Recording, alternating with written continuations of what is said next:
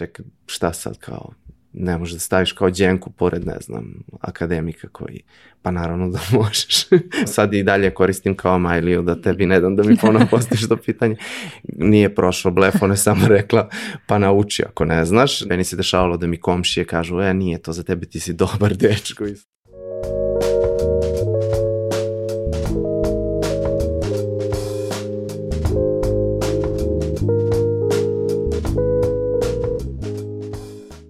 Kako izgleda kada profesija i hobi zamene mesta? Bojan Džodani tokom studiranja fizike paralelno bavio se fotografijom, hobistički. Danas je on nagrađivani fotograf, o čim snimcima Beograda se priča. Istovremeno on je naučni novinar, osnivač bloga Paralaksa, vodič za razumevanje stvarnosti. Isto imena knjiga nedavno je izašla. Bojan je takođe i kickbokser, nosilac crnog pojasa u Aikido i sudija u Savateu. Ja sam Aleksandra Petrovski. Vi pratite Fusnota podcast, samo za radoznale.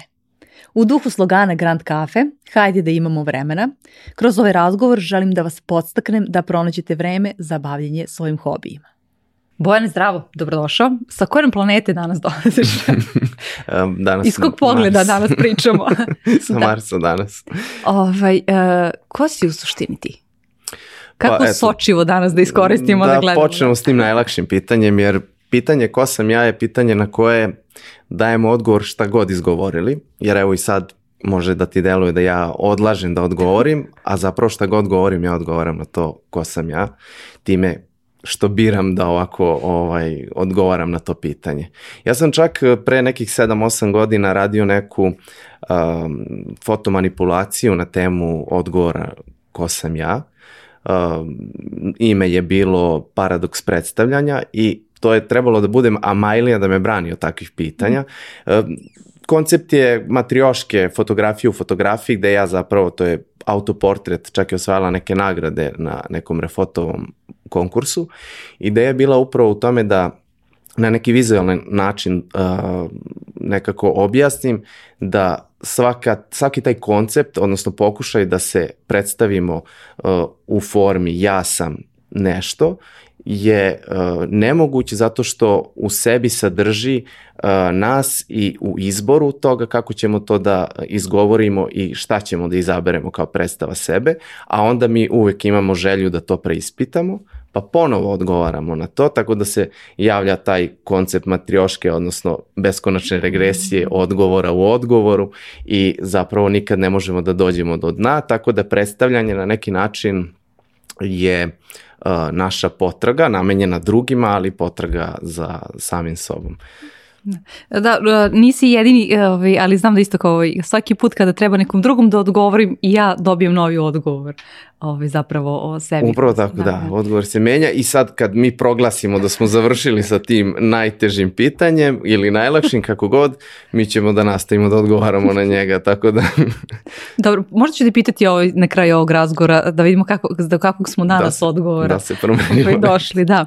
Uh, drugo pitanje isto koje uh, nam u svakodnevnom funkcionisanju pomože da, da, da saznamo ko je to bojenje, bez čega tebi ne može da prođe ni jedan dan i šta je ono što ti ispuni u stvari dan? Pa čitanje je uvek nešto što po, pokušavam da ubacim u svaki dan.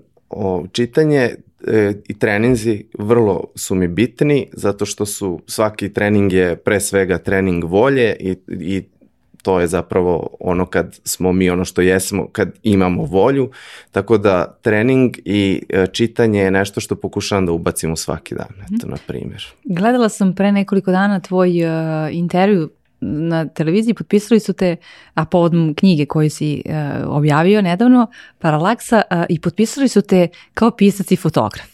I ja sam se onda poznajući te, jeli, od ranije nasmeh, znajući tvoju biografiju, što se kaže, i onda se, nasmela sam se rekla, haha, pa ovako se ne piše robotičar i fizičar. Kako odjednom pisac i fotograf? Um, čak kad sam ušao u studiju, novinarka mi rekla, e, znaš šta, imam mesta da napišem ovo, je to u redu? A jedna od stvari koje mene čak malo i, i, i iritira jeste to što se negde insistira na tim svim ajde sada da nabrojimo sve, što više tih stvari kojima se bave. Neka to nije potrebno, mislim najčešće to nije potrebno, dolazimo sa nekim ciljem da, na primjer, tada ako sam došao da predstavim knjigu, može da se samo naslovi da sam urednik tog portala ili pisac te knjige, nije toliko bitno sada mi navedemo sve što je neko radio, mada tvoja emisija koliko sam video ima upravo taj koncept da nas prikaže u što raznovrstnijem svetlu, pa mi je potpuno jasno da ti se trudiš da pronađeš što više i što zanimljivijih tih mm -hmm. odrednica, tako da ne zameram, mada možete ubedim do kraja emisije da kod mene staviš samo ime i prezime ili tako ne. Dobro, ali da, nekako imamo potrebu i da na taj način, ali uglavnom svojim formalnim titulama ili onim koje su, koje su ovaj, poslovnim ili stečenim obrazovanjem, uglavnom da tako imenujemo ljude i prema tome onda stvaramo neke odrednice. Zato je otud imamo moje pitanje ko si u suštini ti kada sklonimo ove, sve te titule. Kako ti imaš odnos prema tome i koliko su ti te, te titule pomagale ili odmagale u životu? Pa, to je zanimljivo pitanje i to kićenje, dopisivanje tih titula ovaj, može da bude štetno, moramo nekada da obratimo pažnju ovaj, da, da nas one ne povedu, da nas ne povedu uopšte kao nešto što ćemo dopisati, što će značiti nešto o, o nama bez pokrića, a s druge strane desit će se da će zbog tih titula neko da nas smesti tamo gde, gde ne pripadamo. Ja sam imao problem kad sam počinjao da pišem, Uh, imao sam taj problem što sam se inače bavio najviše fotografijom i videoprodukcijom, radio sam za razne firme i onda sam imao osjećaj da ljudi od mene to ne očekuju i nisu očekivali najčešće, nisu znali da sam ja studirao fiziku, da, da se ceo živo zapravo zanimam za nauku, da je to moja ljubav, nego su me doživljavali kao tog fotografa koji uh, je tu da Škljocka, bude angažovan, da. da nešto iškljoca, vole, naravno da vole da, da te nazovu dženka, da se našale s tobom, sve to super. I onda sam imao zbog toga uh, zazor prema tome da se odlučim čak na društvenim mrežama, negde kad su neke ozbiljne teme, da se zapitam, a dobro, ko meni daje za pravo da ja sad komentarišem, ne znam, neku ozbiljnu temu. Jer većina ljudi koja me zna reći će pa šta sad ovaj fotograf hoće, da li ga, da li ga ovaj, da li on može da kaže nešto smisleno na tu temu. I trebalo mi je dugo da da se odlučim da neke od stvari koje pišem objavim javno i da vidim reakciju i tu je dobro da imamo te ljude, prijatelje, drage koji nas uh, podržavaju i koji će ovaj, da stanu uz nas i da nas podrže, da toga nije bilo, verovatno ovaj, se ne bi odlučio, da na pisanje, na to da objavim knjigu i da imam portal koji promoviše nauku, ali s druge strane moramo da pazimo da ne zalutamo u drugu krajnost i da mislimo da smo stručnjaci za sve I to je jedan od razloga zbog kojih čak u, u delu, kad sam počinjao da pišem, dugo se nisam potpisivao ispod tih tekstova jer sam se plašio da ću priznajući da ja pišem te neke kao ozbiljne stvari koje me interesuju, plašio sam se da će me to onako malo, da će uticati na moj ego, da ću se malo, ne znam, uobraziti, da ću uh, dobiti o sebi malo veće mišljenje nego što, što zaslužujem i slično. Tako da treba balansirati. Bitno je, značajno je da nas prepoznaju prijatelji, ali dobro, oni će ovaj, nekad da nas prepoznaju kad to ne zaslužujemo. U tom smislu meni je značilo uh, prepoznavanje od strane urednika nacionalne geografije, od strane izdavačke kuće Helix koja je stala iza ideje da napišem knjigu. Igor je čak i napisao pogovor tako, za, Igor. za knjigu. Da, da, da, tako da, da, to su neke stvari na koje se osvrnemo i vidimo da onda posle nekog truda ovaj, uh, ako nas tako ovaj, kvalitetni ljudi podrže, onda prepostavljam da tu ima materijala koji vredi. Mm -hmm. um, pričat ćemo samo malo, hvala bih da nekako dođemo do, do knjige jer počinje od, naravno, od, naravno. od bloga, ovaj, e, da, jer e, nadovezuje se nekako e, sve, sve jedno na drugo, ali kako si se osjećao, samo da se, se vratim na, na konto toga što si spomenuo, da nisi bio siguran kao, odnosno da ovaj, ljudi koji su, su te pre, najpre prepoznavali kao fotografa ne znajući da si ti sedam puta bio u Petnici, da si studirao fiziku, da si pre toga završio ovaj, Politehničku akademiju i tako dalje, tako dalje. Ali da li si se osjećao isto tako na početku kada si počeo da se baviš fotografijom? Kao ko sam ja, ako sam studirao fiziku, jer takođe postoji i kamera i tako dalje u nekim formalnim krugovima. Tako je, da, ali ja tu nisam pristupao kao autoritativno. Da, da, da, to je bio hobi, to nije nešto što se mene mnogo ticalo, ja sam se time bavio spontano, malo po malo, kad imam vremena, uzmem aparat, nešto naučim, nešto fotografišem, uh, počeo sam da šaljem fotografije na neke konkurse, osvajao neke nagrade i onda to su kao eto neka mala priznanja koje nešto znači, aha, znači ja ne moram formalno da imam obrazovanje iz toga da bi napravio mm dobru fotografiju ili da bi uradio neki posao kvalitetno, mogu sam da učim i to je ono što je bitno, da, da sami sebe ovaj, ispitujemo, oprobavamo se onome što nam, sviđa, što nam se sviđa, da se ne obaziramo toliko na to gde nas uh, pokušavaju smestiti prema onome što su uh, naučili o nama ili zaključili sa ili bez opravdanja. Mhm. Kako je izgledalo kada si tvoj prvi tekst objavio uh, na, na paralaksi? Ispričaj mi taj uh, to, to, to, tu pripremu, to osjećanje, tvoj ono pogled u daljinu šta će se sve desiti. Pa evo može čak i malo dalje sad, e, možda će ti biti zanimljivo zato što ovaj, e, moja devojka me jednom pitala šta bi još voleo da radim, čime bi voleo da se bavim u životu, pošto sam fotografisao i živeo od toga i ja sam mi rekao da bi voleo da pišem, ali ne znam. To je kao bio blef, ja, pošto ponešto je čitala što pišem i ja sam ovaj kao malo blefirao, kao eto ja bih volio da pišem ali ne znam. Nije prošlo blef, ona je samo rekla pa nauči ako ne znaš, nije rekla pa znaš, nije loše što, što pišeš, nego i ovaj, ja sam uh, donekle motivisan možda tim počeo uh, da razmišljam o tome da neke od stvari koje pišem objavim. Uh, još A što si to vreme pisao?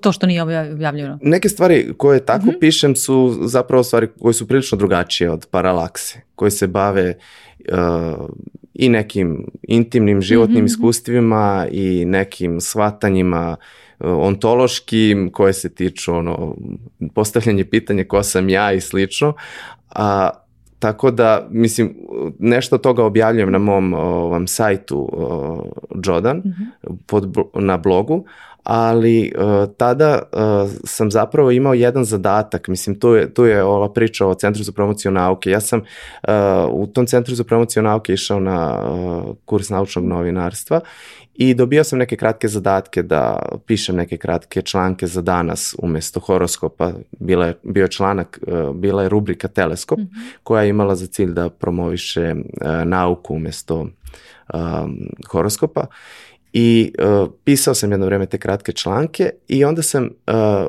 motivisan tim kad sam prestao da dobijam zadatke, kad sam završio kurs, počeo da sam objavljujem neke te zanimljivosti na Facebooku. Reakcija prijatelja je bila fenomenalno. O, Kada je usledilo pitanje tvoje devojke? Pre toga ili posle toga? Pa tu negde. Aha to, to negde... Osetila je taj trenutak, da. da. da, da, ja nešto tu Da treba da pustiš žišku, da, da. dobro. Tako da tu negde ovaj, sam ja uh, počeo da objavljam te neke kratke komentare i tad sam primetio da, da ljudi to šeruju, to postane onako, ovaj, mislim, inače šerljivo, kao kratko je, kratka neka zanimljivost i tu, je, tu se pojavila ideja da osmislim tako neku kratku formu koja može biti viralna na društvenim mrežama, koja posmatra neki fenomen iz nekog malo drugačijeg ugla i to je namen, namenjeno bilo društvenim mrežama.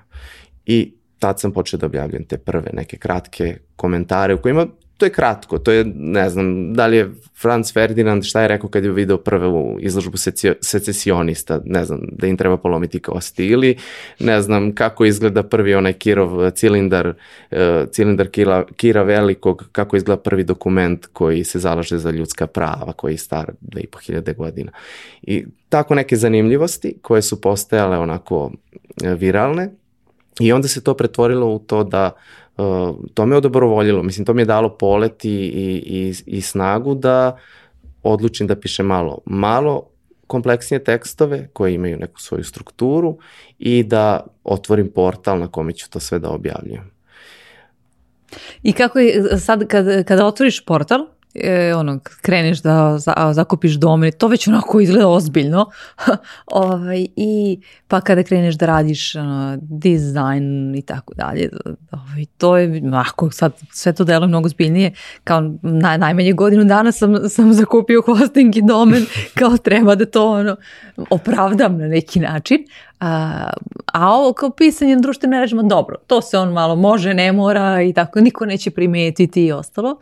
A, kako taj moment izgleda sad je tvoj hobi postao ozbiljniji, kao da je hobi ono što, na što trošiš novac. Ovo, ovaj, tako da ti imaš već jedan taj ciklus sa fotografijom i sad imaš novi ciklus u stvari sa, sa blogom. Ili? Da, da, da. Kako si se ono osjećao, da kažem, u tom trenutku? Kako su ti misli bili, imajući vidu da si sve krenuo nekako bojažljivo ovaj, i pa, rezervisano se početka? Verovatno je to bio onaj moment kad sam presekao zato što je to bilo nešto što bi trebalo i da me motiviše, da sad nema nazad, kao mm -hmm. sad sam to uzeo i sad ću to da radim i jako dugo me držalo da intenzivno radim na tome. Uh, objavljivo sam u početku, ja mislim čak po dve priče nedeljno, što je prilično zahtevno, ali te priče uh, u početku su bile kratke, posle su bile malo duže i sad su ovaj uh, onako malo duže. Tako da uh, samo istraživanje za svako od tih priča je prilično intenzivno. I ja se trudim da imam pristup ozbiljan tome svemu i jedna od motivacija isto bila to što sam primetio uh, da živimo u doba senzacionalizma, tabloid, tabloidizacije i ideja je bila da ne kritikujem to, da se ne iščuđavam što to sve postoji oko nas, nego ako mislim da, da bi možda mogao da, da ponudim mm -hmm. nešto što je interesantno i što je ljudima danas potrebno, da to uradim. I očigledno je bilo da, je, da sam u pravu. Jako brzo sam stekao nekih 10-20 hiljada pratilaca na, na Facebooku i to mi je bio dobar znak i zbog toga sam želeo da opravdam to poverenje. Mm. Nikad nisam uh, povlađivao tome da sad uh, se potrudim da napravim nešto senzacionalno, nego sam se trudio da to bude dosledno, što mislim da je mnogo bitnije na, du, na duge staze, da se izgradi ta kultura, da ljudi znaju da kad tu dođe, da će pročitati nešto što je sto puta provereno, uh, da je napisano samo zato što je ideja da se prenese nešto kvalitetno i nešto što uh, što stoji, a ne to da bi privukao što više klikova i slično. Tako da kad sam zakupio domen i krenuo u tu priču, sebe sam osudio na to da, da tome pristupim što ozbiljnije i ipak neko vreme se nisam potpisio. ne zato što nisam mislio da je to dovoljno kvalitetno, nego zato što se plašio da bi možda a, moj ego do, dobio krila Tako da to je bilo sečenje na takav način i mislim da je to jako dobra odluka bila. Jer mi se dešava da, da čitam e, tekstove u kojima je veći akcenat na, na autoru nego na samom tekstu. I kad je prošlo par godina, kad sam odlučio da se napokon uh, autujem da priznam da ja stojim iza paralaksije, označio se na društvenim mrežama. A čekaj, kao... koliko ljudi znalo ovaj, mislim da Pa bliski prijatelji, da. verovatno, da, da, bliski prijatelji jesu, ali ja opet eh, sarađujem sa mnogo firmi kao fotograf, kao mm radim video, video produkciju da. i tako dalje i onda u, u mnogo firmi se desilo da kad sam se pojavio posle toga, kad sam priznao da sam ja iza toga, da mi ljudi čestitaju, neki su se šalili, ali ne, za neki sam kasnije shvatio da, da su stvarno mislili da sam ja dobio novi posao ovaj, u paralaksi, kao je super. Da si javan zovo. Da, kao super je što su te primili, oni su skroz ok tamo. Mm -hmm. Uh, tako da, eto, tako je, tako je bila priča. To je bio kompliment za tvoj rad zapravo. Da, da, to je da, bilo, da. mislim, zapravo jedan od najvećih komplimenata, je tako? Uh, danas, danas to gledaš kao, kao dobru ili odluku uh, na neki način, međutim sada promovišeći knjigu imaš potpuno drugačiju, ti sada je praktično tvoj zadatak koji revnostno uh, ispunjavaš bez obzira što, što naravno ovaj, imaš i izdavača je da se pojavljuješ u medijima i da tu knjigu ti kao autor glavom i bradom promoviš. I kako se sad osjećaš? Kao sad? Pa to je bio jedan od momenta kad uh, sam shvatio da, da, da će na, nastupiti jedan period koji mi nije toliko prijatan. Mateo, sad uživam, jako mi je prijatno s tobom da sedim i pričam. Ali uh, već kad sam pričao sa izdavačem, znači kao prvo to je izdavač koji je za mene bio dok sam studirao verovatno naj, pa, najdraži izdavač. Stoji Kahneman, Taleb pa Jordan. Do, pa. pa. Jel imaš tu fotku neko kao vidiš šta izdaje sve Helixa? da, da, da, pa uh, mislim da je otac moj kad sam mu rekao kom je izdavač, onda je on ono kao, mislim ne, ne, ne govoreći mi otišao na internet da vidi ko je izdavač, pa je rekao samo vidim dobra ti je ekipa ovde kod ovog izdavača. Tako da ovaj, oni su mi bili ovaj, verovatno i omiljena mhm. izdavačka kuća I kad smo napravili kontakt i kad su odlučili da moja knjiga bude izdata kod njih, meni to strašno značilo. Ovaj... Jer kako te onako po kući kao dečak, ono, ali? pa nisam, nego već i u autobusu kad sam išao ka kući. ali pošto smo seli e, u, u kafiću i dogovorili to, tako da kad sam se vraćao... Nisi pa u nesec, sedeo si dobro. Srećan sam se da, do, mno, mnogo mi je to značilo i cela ta ekipa je mnogo ovaj, uradila uh, i unapredila knjigu. Uh, napravila je mnogo boljom nego što bi to mhm. bilo da, da se mi sam izdao, što je bilo prvo ideja, ja sam teo to da. sam da izdam. I došlo je do toga da oni izdaju potpuno eto, ja sam im se javio, pitao da pogledaju i oni su se ovaj, zainteresovali, svidelo im se i ovaj, mislim, cela njihova ekipa je jako interesantna i, i ljubazna i ovaj, zadovoljstvo mi je što se rađujem sa njima.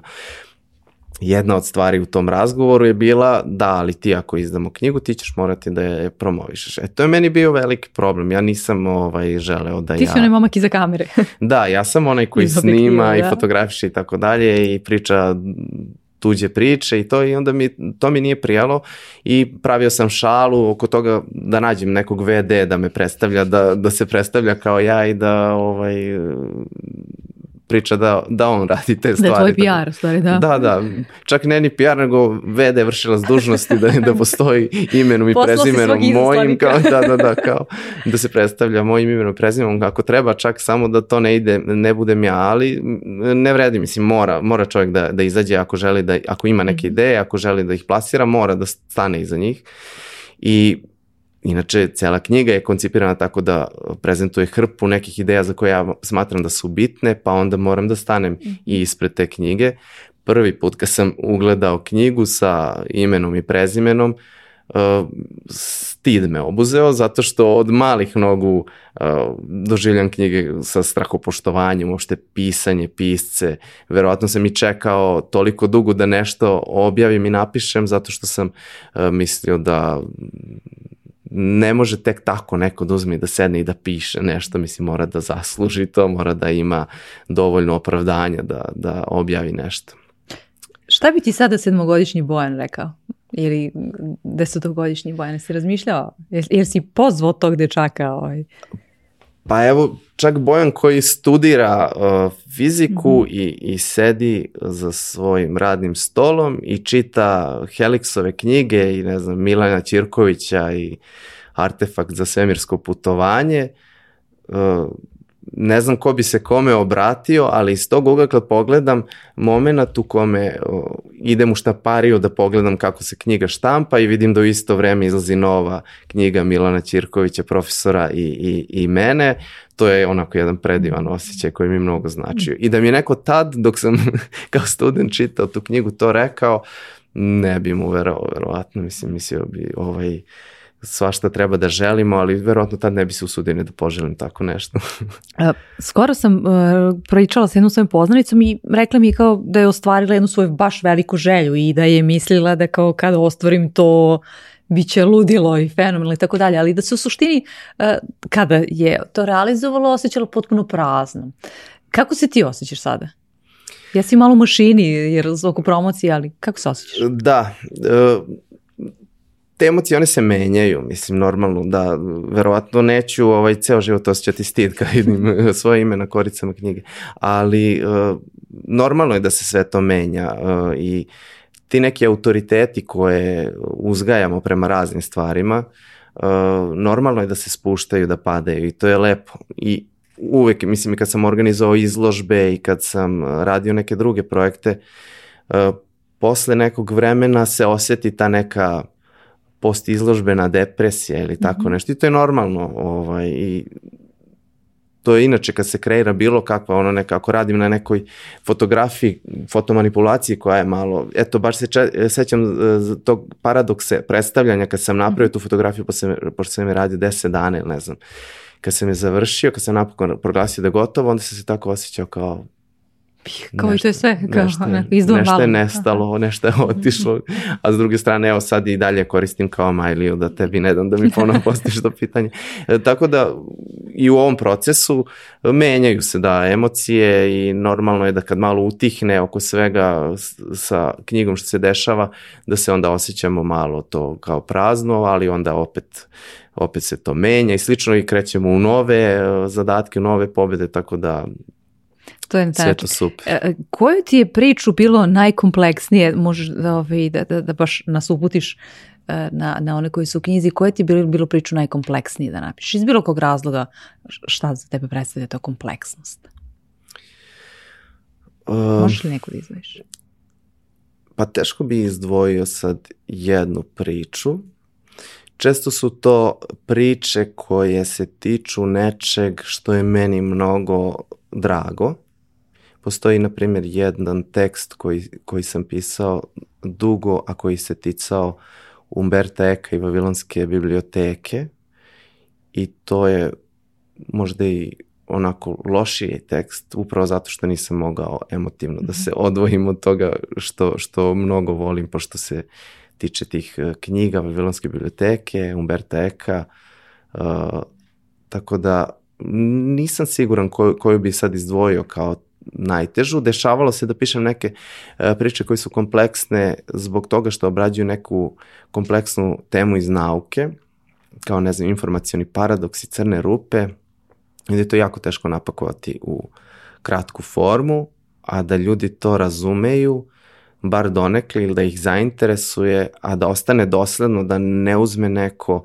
od kolega uh, koji se razume u fiziku i kaže aha, čak pa nije ti ovo. Mislim, što se če, često dešava... Fotografski kod, nije ispravno. Da, da, da, često se dešava kod, kod popularizacije nauke da onda kad se to na, na kraju popularizuje da bi bilo pristupačno, na kraju to nije to, onda ništa mhm. nismo postigli. Da, ovaj, mogu, moram da ti pohvalim i, i, i ja sa moje strane da, da zaista to je vrlo onako ovaj, pitko i uh, ja kada... Hvala ti, to mi baš znači. ja kada razgovaram sa ljudima, kažem mi kad zamisli kako bi nekome nešto ispričao kao da sedite u kafiću i izgleda onako ovaj, vrlo pitko. Imala sam priliku da čitam druge tekstove koji ovaj, su iz domena, da kažem, popularizacije nauke, ali nigde nisam naišla da je, ovaj, da, da na taj način onako lagodno ovaj, te e, baš, kroz, baš mi je drago, to mi mnogo znači.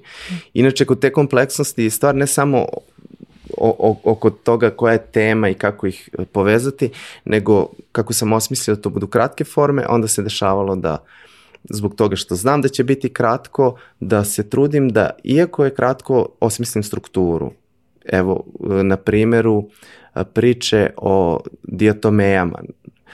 To je priča koja počinje crtanim filmom, počinje Norto, Hortonom, ko, slonom koji prepoznaje ceo svet na uzrnu prašine, svet na zrnu prašine se iz ove priča, počinje tim crtanim, onda se pravi paralela sa naučnikom koji je prvi ugledao diatomeju i pitao se šta je to i registro ostaje anoniman. I onda nastavlja se priča ta naučna o diatomejama, šta su one, kakve su to jednoćelijske alge koje proizvode zapravo pola uh, kiseonika na našoj planeti i kad završi svoj životni ciklus, on se ne završava samo tu, nego one osušene Uh, kao diatomijska zemlja, njih vetar prenosi uh, i đubri amazonsku, uh, amazonski basen. Koliko je to kao kompleksno zapravo -hmm. i celo to, cela ta procedura uh, i učešće tog sitnog, uh, sitne jednoćelijske alge u životu uh, naše planete a onda naslanja se na ovu priču sa, sa Hortonom, crtanim filmom i tim svim kako, kako to ovaj, je opisano u crtanom filmu. I na kraju se vraća na to kako je i u crtanom filmu i u, uh, i u crtanom filmu je uh, autor odlučio da se na kraju izdvoji iz celog tog Hortonovog sveta i da i njega stavi na jedno zrno prašine, da se pita pa dobro da li i to kao jedno zrno prašine, a onda u priči koristim tu situaciju da se odmaknem od naše planete i satelita pogledam našu planetu i ti mali organizmi, diatomeje koje se ne vide e, golim okom, se iz svemira vide zato što obrazuju ogromne kolonije ovaj, u okeanima i morima i onda ih iz kosmosa vidimo. I onda je, mislim, stvari u tome da ta, ta struktura bude zanimljiva, da ta priča bude interesantna ljudima, pristupačna, to može da se kreni od crtanog filma, a s druge strane da prenese jako bitne ideje o, o tome kako, je, kako živimo u jednom kompleksnom sistemu, svetu i o, da prenese te neke stvari iz nauke koje su interesantne. I postoji tu i paralela sa tim, e, mi znamo da eto učestvuje diatomeja tako što proizvodi kiseonik, đubre basen, odnosno đubre basen Amazona, koji je ono isto o, svet za sebe, ali postoji onda kratka a, paralela sa tim da je dijatomejsku zemlju tu koristio Alfred Nobel kada je nitroglicerin uh, stabilizovao i napravio prvi dinamit. Čisto malo to, u svem tom ogromnom svetu, ta utice koja je na naš svet možda imamo osjećaj bio i najveći, proizvoda, proizvodnja dinamita kao čisto se provuče u jednoj rečenici, tako da ovaj sadrži jednu onako kompleksnu strukturu i koja je ta priča minijatura.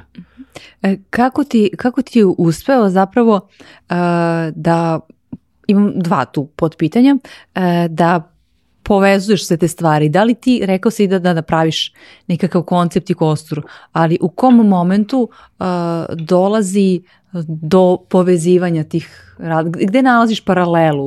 Uh, upravo ti u, ovaj, kroz knjigu obećavaš da će ona vrediti kao uh, 100 pročitanih ili 100 nepročitanih a knjiga da će, da će, da će on dati, to je tvoje obećanje. Ovaj, uh, E, tako da, kao, ka, kako sve to, ovaj, kako povezaš, gde, na, gde dolazi do spajanja te ideje, jer neminovno da, da iza toga stoji, stoji više knjiga. Da, uh, sam proces je, nije jednostavno objasniti zato što iza njega stoje... A da ne bude banalan da, na neki način Jer stvari u tome da, da stoje iza njega, mislim on je prilično organski, zato što iza njega stoje godine, godine sakupljanja nekog materijala koji je tu negde u glavi u glavi ili na policama. Ili, da. Aha, na policama ne u Google folderu ili nekom. E, slabo, aha. slabo. Mislim, naravno, mnogo mi, ovaj, mnogo mi olakšava to što jako lako možemo da nađemo hrpu stvari. Mislim da ovakvu knjigu pisati pre, ne znam... Ne u smislu toga, nego da ti kao vi, uh, sabiraš sve te isečke ili... Da, da, da, ali slabije, da. slabije na taj način se organizujem. Čak uh, imam uh, na zidu tablu plutanu na koju kačim papiriće sa, sa bitnim ovaj, idejama, kojima u tom trenutku ne mogu da nađem kvalitetan način da ih, da ih sagledam. Naprimjer, da, da im pronađem neki zanimljiv ugao ili da ih požem sa nekom uh, interesantnom paralelom, onda ih ostavljam za kasnije, ali uh, sakupljujući tako hrpu materijala, neverovatno je kako to samo krene da se povezuje u zavisnosti od toga šta želim time da kažem, zašto je ta tema zanimljiva. Obično je, uh, jako, jako je lako naći fun faktove uh, svuda oko nas, to, to je nešto čime zanimamo jedni druge, prepričamo neku činjenicu zanimljivu. I onda iza toga je uvek dobro postaviti pitanje, a zašto je nama to u tom trenutku zanimljivo? I onda obično odgovarajući na to pitanje ja pronađem paralele koje nam zapravo rasvetle zašto nam je to zanimljivo i tako ponudi zapravo neko potpunije shvatanje svega toga. Ti zapravo da, od, od, od toga krećeš. Uh, zašto je neka kafanska priča postala zabavna? Uh, pa te onda to inicira, ne mora nužno kafanska kao da, takva, kako god, da. ali... Da. Nešto što je ovaj, onako ustalilo se da, o čemu pričamo. Ovaj, pa te onda e, inicira nešto što zalepiš na, na svoju tablu I koliko, uh, uh, koliko zapravo, dugo stoje te ideje na tabli? Da, neke stoje, ni, nemaju svoj godinu, parnjaka. Dve, pa nemaju, su, nisu uparene. Neke, ovaj, ja sam sad počeo i te ono, fun faktove da kačim, pogotovo u posljednje vreme kad, kad uh, nemam slobodnog vremena, onda je nekad dobro ono, održavati uh, društvene mreže mm -hmm. tako što se okači samo neki od tih fan, fan, zanimljivosti kratkih i slično. Tako da, ovaj, ali neke stoje, stoje dugo i čekaju i strpljive su sve, sve to. Kako i u današnje vreme nam je jako važno da ovladamo tom veštinom, moglo bi se nazvati naučno razmišljanje. Dakle, kako održavaš taj moment aha, da preispituješ neku ideju, da, da ne prihvataš tu činjenicu zdravo za gotov, već da nastavljaš da istražuješ dalje. Pa da, tako kad kažeš naučno razmišljanje može da deluje malo i preozbiljno, ali pre svega je dobro da se razvije medijska pismenost, da, da se radi, razvije medijska kultura uh, koja ovde često nema i to je ono da mi naučimo i da primetimo, da razdvojimo medije koji nas obaveštavaju kvalitetno i one koji ne. Ja imam, ja poznajem ljude koji uh, čitaju tabloide i redovno ih čitaju i znaju da, da tu nailaze na hrpu besmislica i laži, ali oni su toliko uspeli da ih ubede da je to normalno stanje, da oni i dalje čitaju te medije. Meni čak to nije, uh, to je nekako vrlo otvoreno. Dobro. Ovaj, otvoreno u smislu E, znaka pitanja koji stoji nad verodostojnosti tih informacija. Um, ali uh, jedan od najvećih, na, meni ne, najnestvarnijih primjera kada sam bila na, na treningu za trenere medijske pismenosti je bio uh, recept za čorbu uh, cara Lazara. Uh, jedan od glavnih sastojaka je bio krompir. -hmm. U vreme dok je car Lazar bio živ, krompir nije postojao u Srbiji. I, ali da, prilike napisano pride da je, da je to jeo car Lazar petkostovski boj. Maltene tako stoji predstavljena ta čorba ovaj, u vreme kada u Srbiji nije postojao, kada u čitav Evropi nije postojao ovaj, uopšte krompir. Dakle, i te stvari, i postoje i brojne pa možemo da, da, da ih nazovemo budalaštine, bukvalno i kada je pitanju nauka i tako dalje. Dakle, na, na, na tom nivou ovaj, su, ovaj, smo, smo zatrpani infodemijom, ovaj, hajde da, da je tako, medijskom, ovaj, odnosno nepismenošću. Ovaj, da, infodemija, da. to je dobar izraz. Mm -hmm. U tom smislu je pre svega dobro uh, naučiti se primećivati medije koji uh, u tom smislu je dobro uh, primetiti medije koji nas informišu i koji nas uh, de, deinformišu. Uh, steći neku kulturu da se uh, medijima koji nas uporno lažu ne vraćamo da ih ne čitamo, ne, ne, ne proučavamo, da nisu deo naše svakodnevnice da. i da i time održavamo svoju medijsku kulturu. Jer uh, na taj način zna, znamo da uh, pravimo oko sebe takvu atmosferu, da znamo da možemo da se oslonimo na neku informaciju. Uh, treba da pogledamo, na primjer, šta nacionalna geografija objavljuje, da li možemo da se oslonimo na nju, da li možda nekad imala neki peh, to je potpuno druga stvar, ali tu su informacije na koje mi možemo da se oslonimo. Možemo da se oslonimo na informacije mnogih institucija koje funkcionišu kako treba. E, ljudi ne svetaju koliko je e, veliko blago to što NASA deli sa, sa nama ono što što otkrivaju e, rezultate projekata koji su vredni milijarde. E, ja kad objavim neki tekst koji se tiče tih stvari, desi se da dobijem hrpu komentara gde ljudi tvrde da je NASA se izmišljena, da je to paravan za neki zapravo 3D studio koji tamo kao sve to montira i slično. Ne svetamo da mi kao jedna mala zemlja koja ne može ni da zamisli da radi tako velike projekte, imamo priliku da svakodnevno pratimo uh, velike projekte iz sveta i da njihove rezultate i da uživamo u tome. Evo sad smo ovaj, gledali ja. Da. fotografije sa, sa James Weba koji je ovaj projekat koji traje ono ne znam 20 godina i 10 milijardi evra i imamo to na, na izvolte ali ne znam iz nekog uh, nepoznatog razloga možda draže da kažemo sve to izmišljeno i da gledamo Da, pritom i, i ne samo to, ovaj, i kada je u pitanju što se kaže domaće, domaće znanje ili ostalo, Narodna biblioteka Srbije takođe mnogo svoje arhive digitalizovala, mhm. -huh. što je vredno iz ugla čitanja nekih starih yes. časopisa ili yes. tako dalje koji su takođe imaju određenu uh, značajni su da da shvatimo kontekst jednog vremena ili da da, da saznamo nešto novo i postoje i, i, ovde i domaće institucije Tako i obrazovane da, ima takođe. odličnih institucija kod nas i muzeja radove, koje da. rade jako lepe Mhm. stvari i tu je onda teret na tim institucijama da, da, da ostanu verodostojne, ispravne, da mi znamo da možemo da se ostavimo. Ali je NASA to uradila da bude vrlo, što bi se reklo, seksi, onako. Pa ovaj, dobro, da se to je taj deo svuda, da. popularizacije Mhm. koji je, on, kao mislim, postojali su i veliki teleskopi između Hubble-a i, i, i, i James Webb-a, pa nije ovaj, bio toliki hype, Mhm. ali lepo je što jeste sad bio, mislim, nema, nema nikakvih, nema razloga da ih kritikujemo što je to tako. Da. E, kako, kako sada izgleda, ne rekao si mi, rekao si mi kako izgleda tekst koji ti je najkompleksniji, jedan od najkompleksnijih, a, a ko, za koji si mislio jer si stvarajući, hajde da kažemo knjigu, odnosno vodeći paralaksu, verovatno, mislim, svi mi koji pišemo imamo taj moment kao ovo će da pokida, ovo je strava, ovo kad pustim goreće. I na kraju ono, pih, ništa.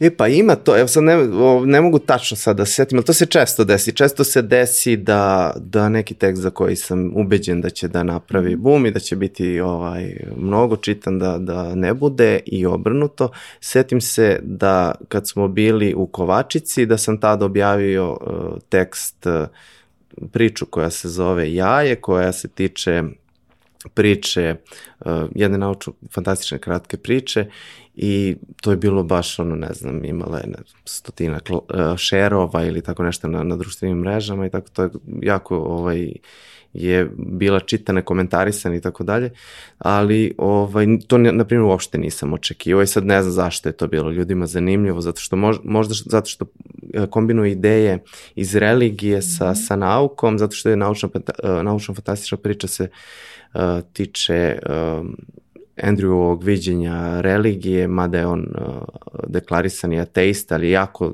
zanimljivu viziju dao tog nekog čistilišta i s druge strane to je povezano sa uh, Feynmanovom pričom o elektronu i tome kako su svi elektroni možda jedan elektron, tako da verovatno ljudima zbog tog bilo ovo, interesantno to da čitaju. To, što, to što dovodi u suprotnosti njihova neka razmišljanja i, i mišljenja, da, definitivno Pa privlači. da, ne znam da li ih je, da li su se tu prepoznali, da li ih je to ovaj, odobrovoljilo i delovalo im da ih potkrepljuje ovaj, ono što oni uh, do, shvataju ili ne znam, stvar je što nekad te paralele zapravo se upotpunjavaju na neki uh, lep način. Mm -hmm. I ja često uh, te priče iz filozofije religije provučem kroz te naučne teme. Upravo zato što uh, se tu nekad uh, javlja antagonizacija i da ljudi misle da tu nema mesta za mešanje ili ih mešaju na katastrofalan način, mm. gde se tako banalizuje, ne znam, taj kvantna medicina, zen budizam, kvantni zen budizam i tako dalje, gde se neke jako ovaj kompleksne uh, teorije iz nauke koriste čisto da se opravda zapravo nešto što je uh, gotovo čisto šarlatanstvo. Da, a zapravo ima um, nekada filozofi, nekada i, i, i pisci uh, imaju nekada uh, progresivnije shvatanje e, odnosno de, deluju kao proročki nekada kada čitaš i pre dođu do nečega kao na, nego, nego što je nauka ako recimo uzmemo za primjer Odiseju, svemir ili tako dalje. Ok, naravno da nauka mora da prođe da bi se do nečega ovaj, došlo, ovaj, mora da prođe dosta vremena da bi u praksi a, to bilo, ali ja se onda pitam a, da li su a, da li su pisci bili u eto kao da, da li sam na primjer vizionari ili su inspirisali zapravo ove naučnike da, da krenu da istražuju u nekom pravcu. Što, to mi meni to ostalo večno pitanje. Ne znam kako ti ovaj, u nakon trenucima do okolice promišljaš tako nešto. Pa to je ovaj, uvek pitanje šta je, šta je o to dvoje. Mislim, e, eto kad si pomenula Odiseju, da, on je u 2001. predvideo da ćemo već jako da imamo mnogo napredniju tehnologiju nego što smo imali, pa kad su ga pitali zašto se to nije desilo, on je rekao pa zbog rata u Vjetnamu, tamo smo skrcali da. grdne pare, inače bismo bili na tom nivou. Ali pitanje je, mislim, naučna fantastika i te takve ovaj, priče služe često da preispituju na neki umetnički način stvari koje će doći na red da se pitamo. Tako da normalno je da neke od njih se obistine i uh, da se ostvare, a s druge strane Ili ih mi nekako retroaktivno uh, racionalizujemo i drugačije tumačimo, kao što uh, u slučaju Teslinom, kada čitamo neke uh, intervjue i tako dalje, bilo kakve njegove spise o njemu, gde je upravni govor, odnosno gde je baš on govorio, uh, onda kažemo, a Tesla je predvidao mobilni telefon ili ovo ili ono, odnosno komunikaciju na daljinu, um, i onda kažemo, to je to.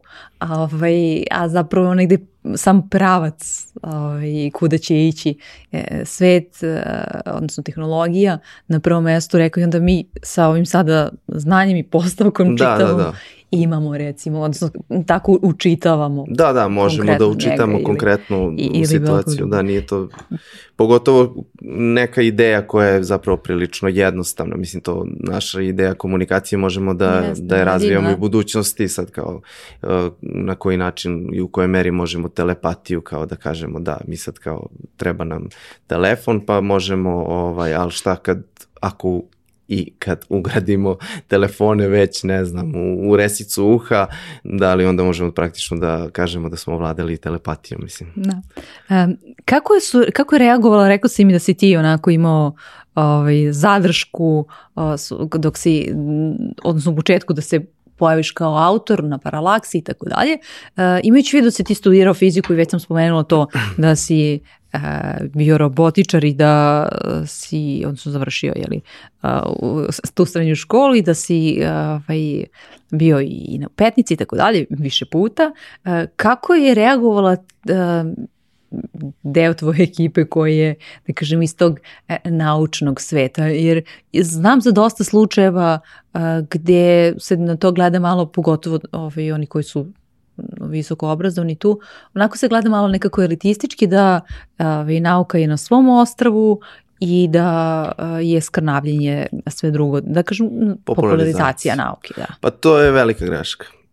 To je velika greška jer popularizacija nauke upravo u knjizi možda dali predgovor gde ja sam želeo da objasnim da uh, uh, sve te teške ideje koje, mislim teške ideje, sve te uh, kompleksne, da. kompleksne ideje iz nauke koje nam mogu delovati zastrašujuće i za, koju, za koje da bi ih potpuno baš razumeli e, nam je potrebno da uložimo vreme sad da razumemo neku kompleksnu matematiku iza toga i slično. Sve te ideje opet uh, negde u osnovi su neka jednostavna pitanja koje mi imamo pred, pred svetom. Uh, suočavajući se sa njim.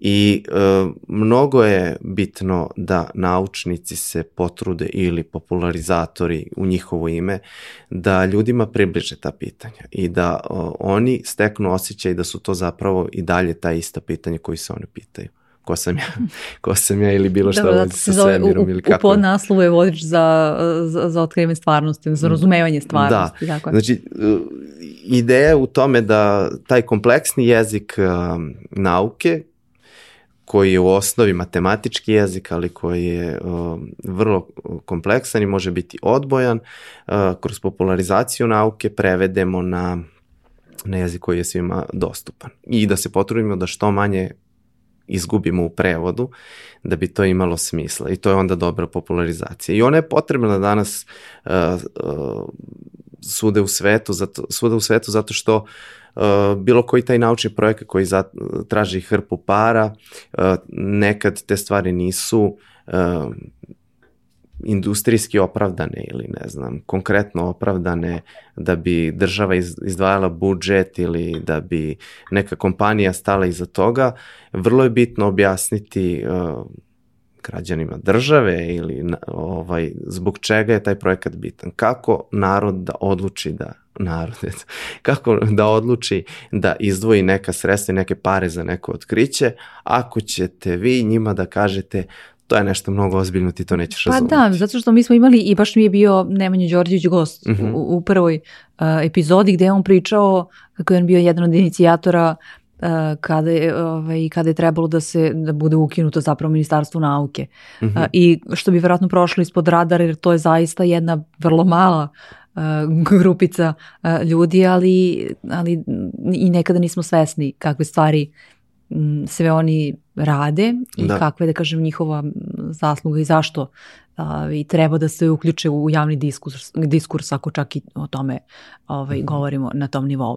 Um, da li je sad taj deo, imajući u vidu tvoj a, potencijalno naučnički a, background, a, da li je on sad nekako ovaj, e, kroz paralaks onako za, nahranjen i zadovoljen? To je teško pitanje. Čekaj, rekli smo da smo završili sa teškim pitanjima. rekao mi je, se, pod, podsjetila si me sad na jednog prijatelja koji mi je rekao da se tačno seća dana kad se probudio i bio je strašno depresivan jer je shvatio da on nikad neće dobiti Nobelovu nagradu iz fizike. Mislim, jedan kolega koji studira sam. Kao, uh, nisam... Uh, Imajući u vidu da ti samo nisi formalno dobio diplomu fakulteta, pa eto, na zato da, da. Uh, Ovo nije proziv kao... Malo. Da, Mene ispunjava strašno to što se i, i, i dalje bavim tim temama, iz nauke čitam uh, i, i naučne radove, čak neke pratim, gledam šta se dešava, čitam naravno ovaj, svu ovu naučnu popularnu literaturu, um, sarađujem sa institutom za fiziku, pa sam nekad primoran da slušam i njihova predavanja i to što u, u čemu uživam obično, a nekad ih ništa ne razumem, češće. Ali pitanje je uh, koliko je tu uh, ispunjen taj uh, prvi poriv da se ja bavim naukom, uh, zato što ja sam taj, uh, tu ideju i taj neki osjećaj imao od malih nogu. I uh, naravno to sam imao kao posledicu postavljanja tih nekih pitanja. Nisam ja upisao fiziku zato što mi je to delovalo Pa interesantno. to sam htjela da ti pitam, to nije, prošao sam pored fakulteta i upisao, da. Da, da, da. To je bilo od malih nogu, ja mislim od ne znam, drugog, trećeg osnovne da sam ja već ovaj, se zanimao za to i pričao sam da ću ja jednog dana da budem naučnik i tako dalje. Tako da to je meni bilo vrlo bitno i e, studije su mi bile jako bitne E, i to sam doživljavao na jedan e, možda i preozbiljan način. Čitao sam sa svih strana neke stvari koje možda nije trebalo čitati i toliko istraživati, ali u jednom trenutku sam shvatio da te neke, ta neka pitanja nisu mi pruženi, niti će biti odgovori potpuni iz tog ugla. I baviti se tim na takav način da ja sad ba- bavim se tačno istraživačkim ra- naučnim radom, ne bi dobio odgovore na onakav način kakav je meni potrebno. I to je taj moment kad bi trebalo da znamo da prepoznamo sebi i da kažemo pa dobro kao. Jel ti je bilo teško, da? Da, da, da. Mislim to je jako teško Mhm. I osvestiti i reći sebi Koliko sad imao godina? To pa ne studija? znam, ne, mislim to ni nije ono kao konačno ni moment ni... Je li to bilo pred kraj studija, negdje na sredini Pa studija? nije, ne, ranije, ranije sam Mhm. ja shvatio da, mislim, i to bavljenje tim nekim drugim stvarima je uvek bilo verovatno posledica toga što e, nisi zadovoljan kako se odgovara na pitanja koje tebi u tom trenutku trebaju. Mhm. I fotografija, na primjer, bez obzira što ovaj, to neko može izgledati nebulozno, kao šta pa sad ideš gljocaš, nemam pojma, uh, je davala odgovore na neke drugačije načine koji su meni u nekom trenutku jako prijali. I meni je to bilo kao, čekaj, šta sad kao, ne možeš da staviš kao dženku pored, ne znam, akademika koji, pa naravno da možeš. Mislim, treba da radiš ono što ti prijavi, što, što, što odgovara u tom trenutku na tvoje pitanje. Mislim, uh, ja sam konstantno postavljao neka vrlo duboka pitanja koja su kao šta, šta, je, šta je ova stvarno, šta se dešava oko nas. I onda u jednom trenutku uh, shvatiš da je tebi draže da slušaš ljude koji ti govore uslikaj ovo, uslikaj ono i time ti potvrđuju stvarnost na neki drugačiji način. Učete da prepoznaš šta je lepo, zašto ti sad ova žena traži da uslikaš baš ono dete sa, sa onim drugim detetom. I onda shvatiš da si dobio neki, neki, neko prepoznavanje lepote u tom trenutku. Mada je to jednostavna fotografija, jednostavan proces, kao neko ti je pokazao, kao uslikaj mi ovo dete, da. ali uh, kad se to skupi u, u celu atmosferu toga što ti u tom trenutku radiš, shvatiš da je to ono što ti negde nedostajalo, na primjer. I, i to je sasvim, to je sasvim ok. Ja sam imao isto problem što kad sam tražio problem, šta god. Uh, kad sam uh, tražio temu za diplomski, dešavalo se da se srećem sa raznim nekim profesorima i tako dalje i onda oni me kao vrbuju gde bi mogao da radim neki istraživački rad sa njima i to i onda mi sa ni, ni podaštavanjem pričaju kao, znam ti se baviš onim, ali ako ćeš, tim, to, ako ćeš tim da se baviš, to je. E, to, to su momenti kad ja naravno profesoru ko, koga obožavam ne mogu da prepoznam da to što on u tom trenutku radi nije dobro. Da je to jako ružno. Da, ali shvataš da niste par, mislim.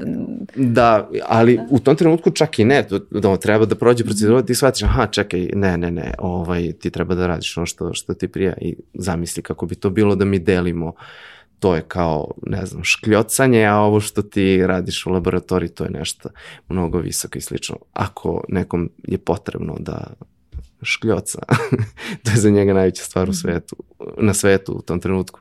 Nema potrebe da se bilo na koji način te uh, stvari uh, skaliraju ili ne znam, procenju i tako dalje.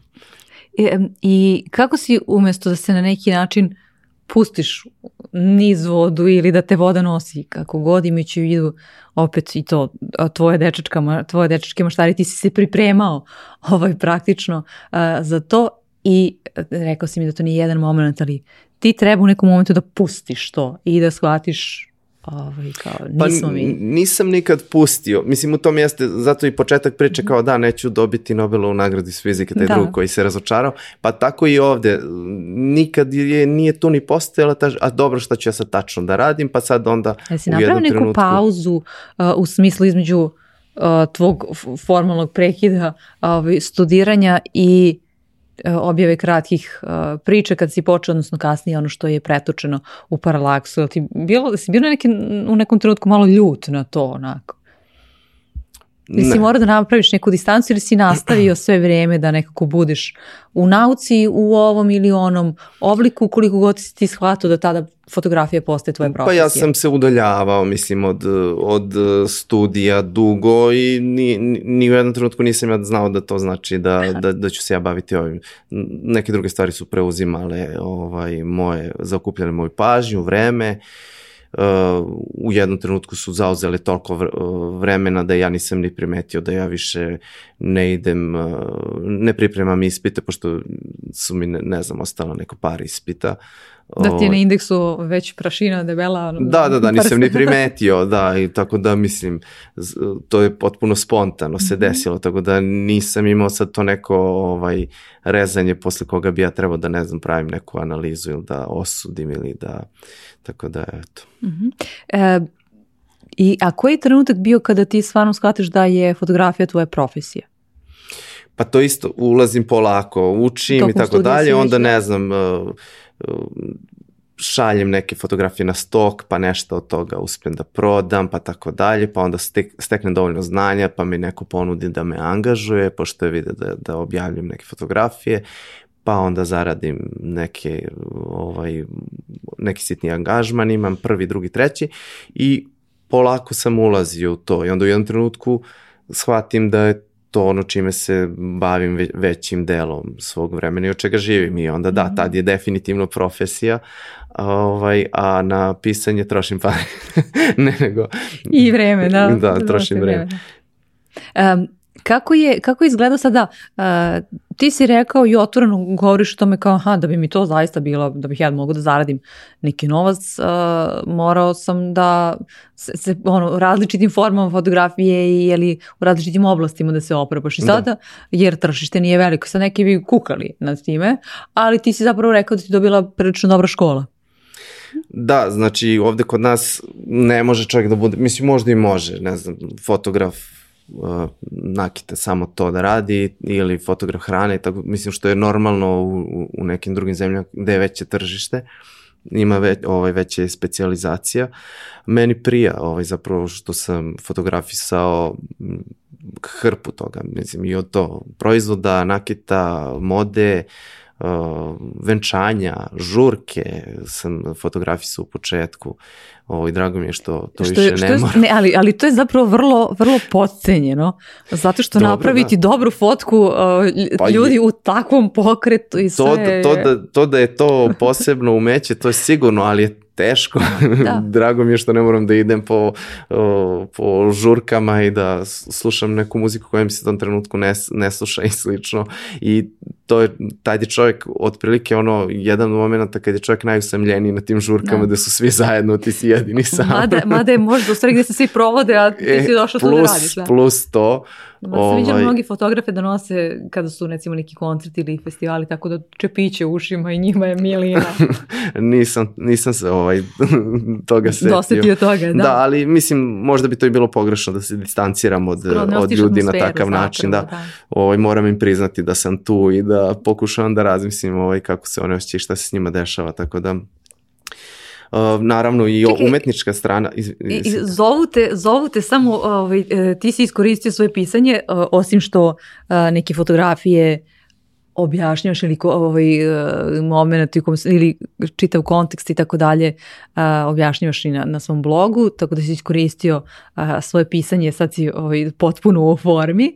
A, a s druge strane, zovu te nekada i, i kada objave i časopisi, strane medije i tako dalje, da objasniš kako su nastale neke fotke. Ja ne znam da li želiš da skoro si mi pričao, ovaj, ali, ali si to već tu priču javno podelio, ovaj, fotku za, za svadbe. Ovaj, ali pošto si to već javno podelio, eto, ako želiš, odnosno da, ali mladenaca za strano to- tržište je bilo.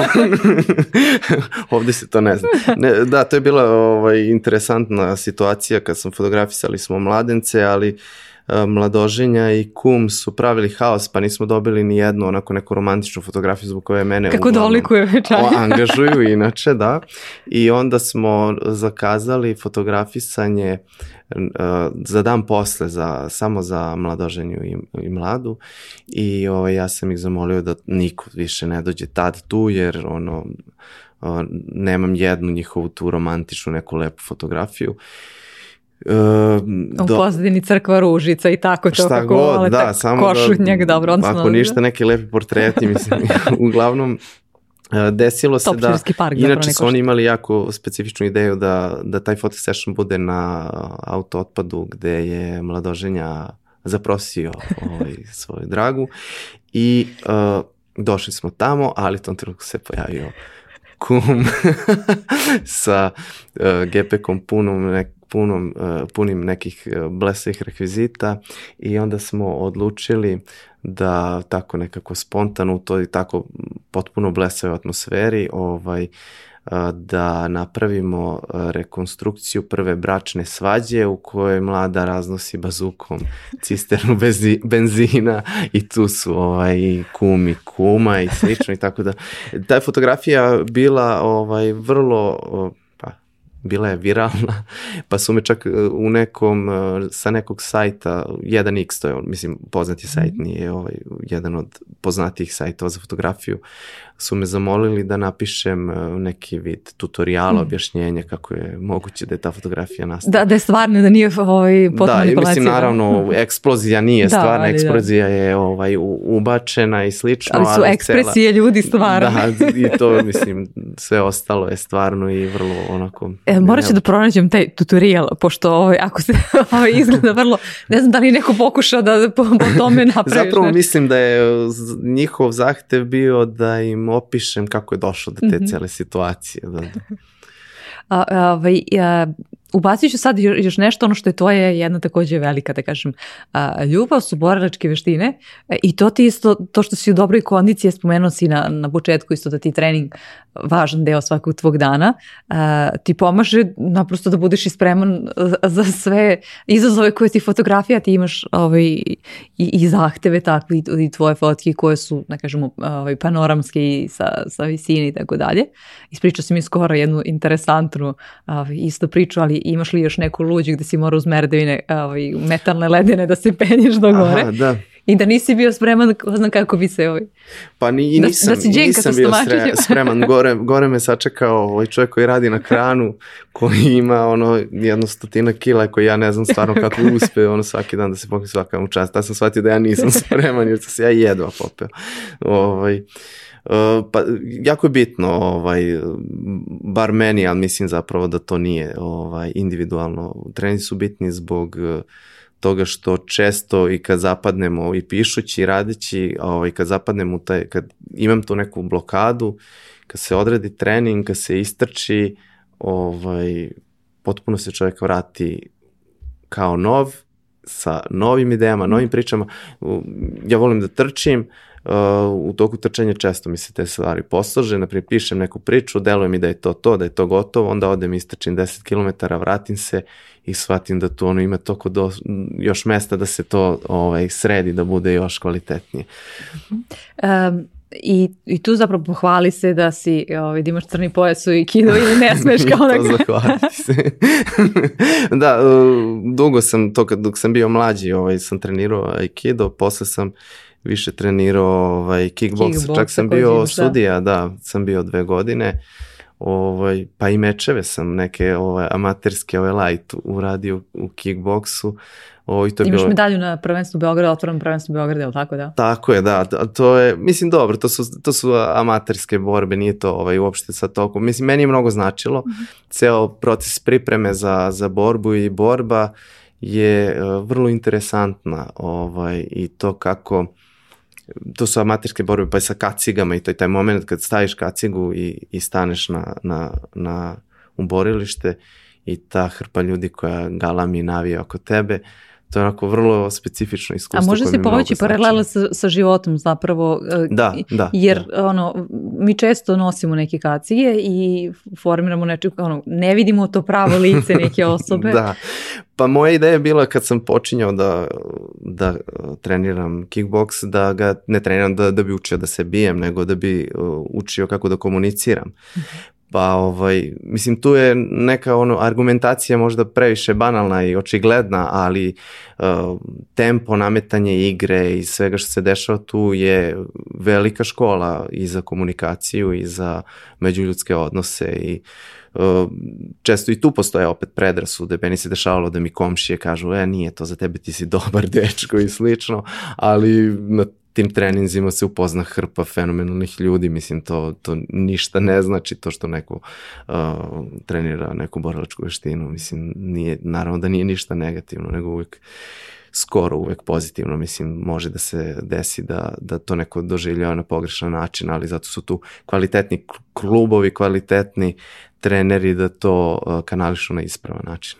Da, ako su dobri na prvom mjestu, ako govorimo o, o nešto mlađim, ali ok, ako su mlađi, onda pedagozi, ako su nešto stariji, onda Mhm, psiholozi, mhm. da na taj način nam prenesu ono što dobro i kao što si ti između ostalog izdvojio ovaj, komunikaciju, zapravo da nam to donosi osim tog momenta a, fizičke aktivnosti kao takve, ali ne može se ona samo izdvojiti jer telo uglavnom ne radi ono što, odnosno radi ono što mu mozak ovaj, kaže, hajde tako da kažemo. E, imam posljednje pitanje. Uh, je li ti bilo teško da razgovaramo? Ne, bilo mi super, bilo mi super, samo se plašim, ne znam da li ćete imati mnogo toga da sečete, da li sam previše davio, jedino to me ne, brine. ne sečemo, ostavimo sve.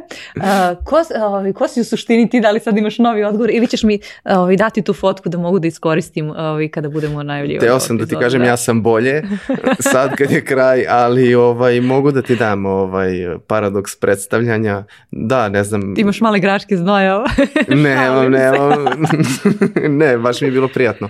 Tako da, e, ne znam da li inače u montaži, ako želiš neke od fotografija, isto mogu da ti dam To, kao ćemo, to, ćemo, pokrivalice. da, to ćemo da damo, ovaj, to ćemo u, u okviru same ovaj, najave da, da podelimo na društvenim mrežama. Mhm.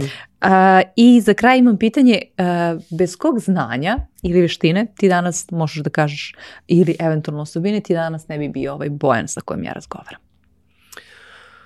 Uh, opet teško pitanje za kraj, lako. Uh, pa ja bi se pozvao na jednu od priča iz uh, Paralakse, to je ovaj paradoks Tezevog broda, sa Tezevom brodom koji se vraća u Atinu pa ga dočekuju tamo kao heroja i taj brod ostaje u luci i uh, kako vreme prolazi, to je ono kao počas pobede nad Minotauru stoji u luci, ali s vremena na vreme se habaju delovi i onda delove tog broda menjaju jedan po jedan. U jednom trenutku svi delovi broda su zamenjeni, tako da se onda postaje pitanje da li je to sad i dalje teze brod.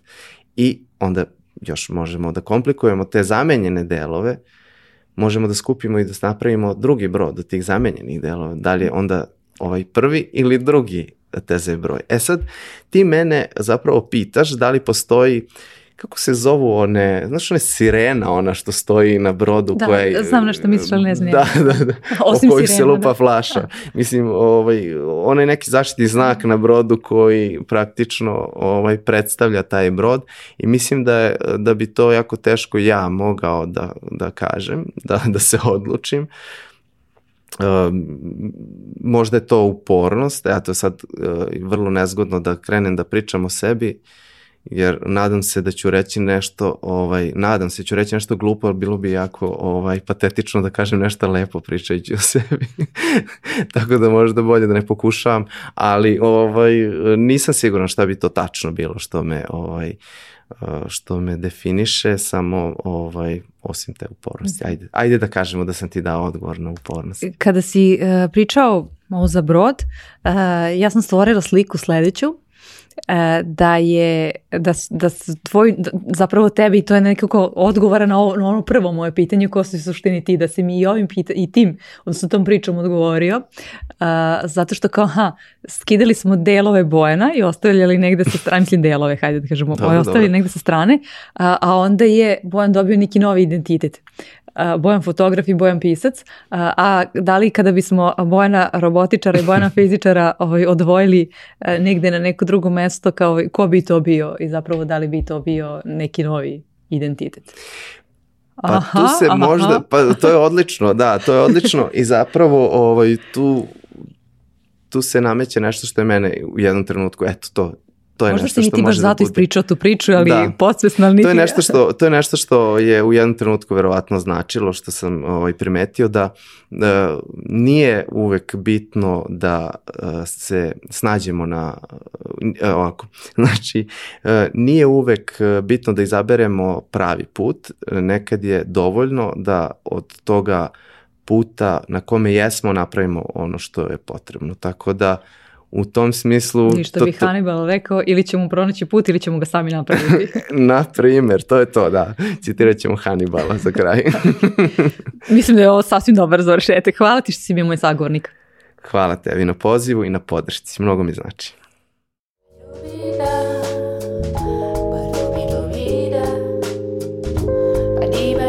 Ljubida, pa, pa